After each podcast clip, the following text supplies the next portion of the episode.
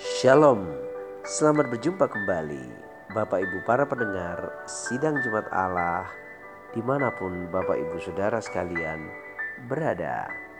Saya percaya Bapak Ibu dalam kondisi yang sehat Diberkati oleh Tuhan dan dipelihara dalam segala kebaikan dan kemurahan Tuhan. Kita akan segera mendengarkan renungan firman Tuhan dengan judul petunjuk praktis hidup di dalam Tuhan. Nah, Bapak Ibu Saudara yang dikasih Tuhan, teks kita terambil dalam 1 Tesalonika 5 ayat 15 sampai 18. Di situ dikatakan, perhatikanlah supaya jangan ada orang yang membalas jahat dengan jahat tetapi usahakanlah senantiasa yang baik terhadap kamu masing-masing dan terhadap semua orang. Bersukacitalah senantiasa, tetaplah berdoa, mengucap syukurlah dalam segala hal, sebab itulah yang dikehendaki Allah dalam Kristus Yesus bagi kamu. Dalam teks yang baru saja kita baca ini, kita belajar tentang petunjuk praktis hidup sebagai orang-orang percaya. Nah, apa saja yang perlu diperhatikan? Yang pertama, jangan ada orang yang membalas jahat dengan jahat. Nah, ini yang sulit Bapak Ibu Saudara sekalian ya. Kalau orang jahat sama saya, saya pasti lebih jahat dari dia. Itu sering kita dengarkan Bapak Ibu Saudara sekalian. Kowe jahat ambil aku, aku luwe jahat meneh, Bro. nah Alkitab bilang jangan Bapak Ibu Saudara sekalian. Jadi ketika kita jahat sama orang maka kita sudah tidak menjadi contoh bagi sesama kita. Di sini dikatakan supaya jangan ada orang yang membalas jahat dengan jahat. Waduh, aku gak iso nih ngono. Aku dilukai ya aku balas melukai. Bapak Ibu Saudara dikasih Tuhan, itu adalah gambaran bahwa kasih Tuhan belum menjama kehidupan kita.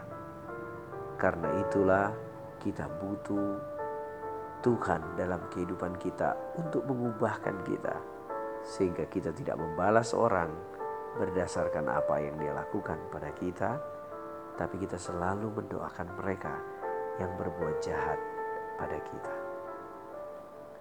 Selain itu, Bapak Ibu Saudara, yang kedua, apa yang perlu diperhatikan ketika kita hendak menjadi orang-orang percaya yang melakukan tindakan praktis, di situ dikatakan, usahakanlah senantiasa yang baik terhadap kamu masing-masing dan terhadap semua orang. Jadi, mari kita usahakan yang terbaik. Ketika kita berkonflik atau bermasalah, Bapak Ibu, mari kita cari solusinya. Bukan siapa yang salah. Jadi usahakanlah yang baik bagi semua orang. Ketika kita berkonflik dengan seseorang, maka jalan terbaik adalah mencari solusi, bukan mencari siapa yang salah. Dan ketika konflik akan diselesaikan, carilah situasi di mana yang baik bagi semua orang. Nah, Bapak Ibu Saudara dikasih Tuhan, baru dua kita belajar. Yang pertama, jangan membalas yang jahat dengan yang jahat. Yang kedua, usahakanlah senantiasa yang baik bagi semua orang. Yang ketiga, bersukacitalah senantiasa Bapak Ibu Saudara sekalian. Nah dalam keadaan apa pun Tuhan mau kita bersuka cita. Sukacita tidak ditentukan oleh keadaan. Sukacita bukan karena apa yang kita miliki, tapi karena siapa yang kita miliki. Nah, Bapak Ibu mesti membedakan ini. Kita berbahagia bukan karena apa yang kita punyai, tapi karena siapa yang kita punyai.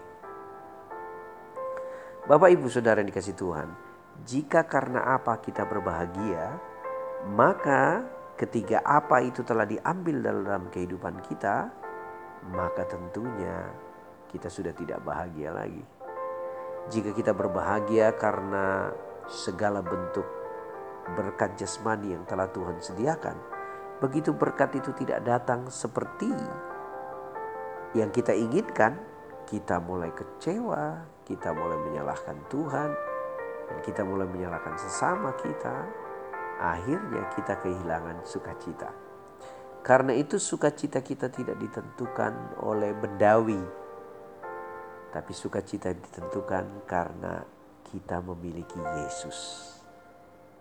Itulah sebabnya Bapak Ibu Saudara sekalian Alkitab berkata, bersukacitalah senantiasa, bukan di dalam apa, tetapi di dalam siapa yang kita miliki. Itu yang ketiga. Yang keempat adalah Alkitab mau supaya kita tetap berdoa, tetap percaya, tetap berserah, tetap bergantung kepadanya. Dan ketiga Bapak Ibu tetap berdoa, itu berarti kita memiliki hubungan pribadi dengan Tuhan. Kadangkala kekuatan tidak datang dari apa yang ada di sekeliling kita. Tetapi Alkitab berkata barang siapa yang menanti-nantikan Tuhan ia akan mendapatkan kekuatan yang baru. Nah di manakah kita dapat kekuatan? Di dalam doa ketika batin kita bersentuhan dengan pribadi sang pencipta. Karena itu Alkitab bilang tetaplah berdoa. Bahasa Inggrisnya mengajarkan kita di situ dikatakan saya terjemahkan saja ke dalam bahasa yang lebih mudah dimengerti. Jangan jemu-jemu berdoa. Tidak jemu-jemu berdoa. Jadi setiap saat, setiap waktu ada kesempatan Bapak Ibu ambillah waktu untuk berdoa. Daripada kita memenuhi pikiran kita dengan ketakutan, kita memenuhi hati kita dengan kecemasan, Apalagi kita sudah tidak tahu apa yang akan terjadi besok, lusa dan seterusnya. Mari kita tutup mata kita dan kita lipat tangan kita dan kita mulai berdoa. Menyerahkan seluruh keberadaan kita ke dalam tangan Tuhan. Nah itu dia Bapak Ibu Saudara sekalian. Selain jangan membalas kejahatan dengan jahat. Usahakan senantiasa yang baik bagi semua orang. Bersukacitalah karena siapa yang kita miliki tetaplah berdoa. Dan yang terakhir Bapak Ibu Saudara, mengucap syukurlah dalam segala hal. Perlu Bapak Ibu perhatikan bahwa kita mengucap syukur dalam segala hal, bukan atas segala hal. Tiba-tiba Bapak Ibu ketimpa tangga lalu berkata, aduh aku terima kasih sudah ketimpa tangga. Terus ditabrak becak, aku terima kasih sudah ditabrak becak.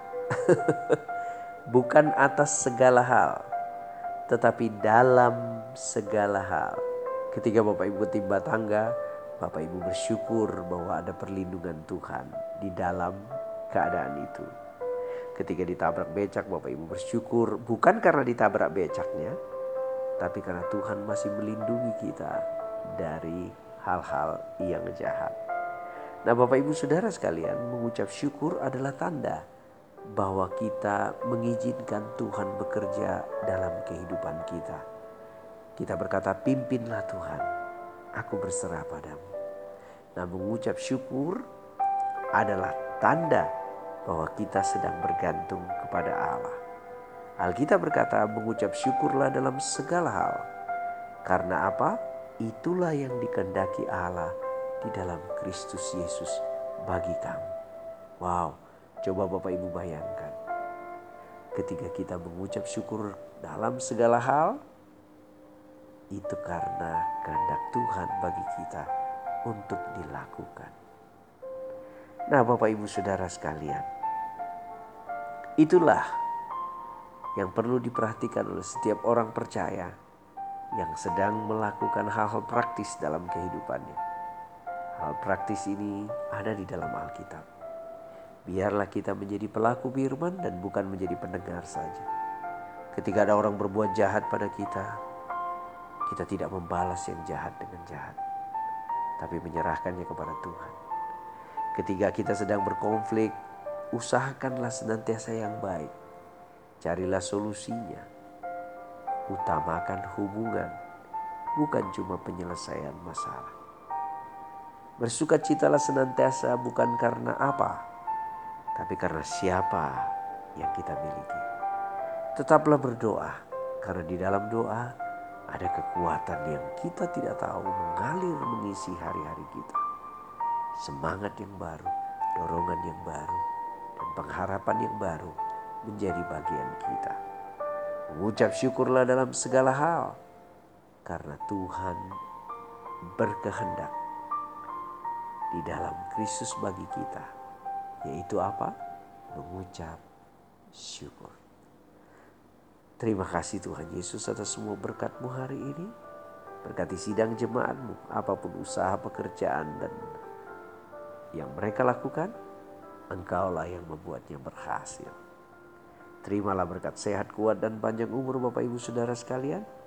Damai sejahtera, sukacita atas kita sekalian. Amin.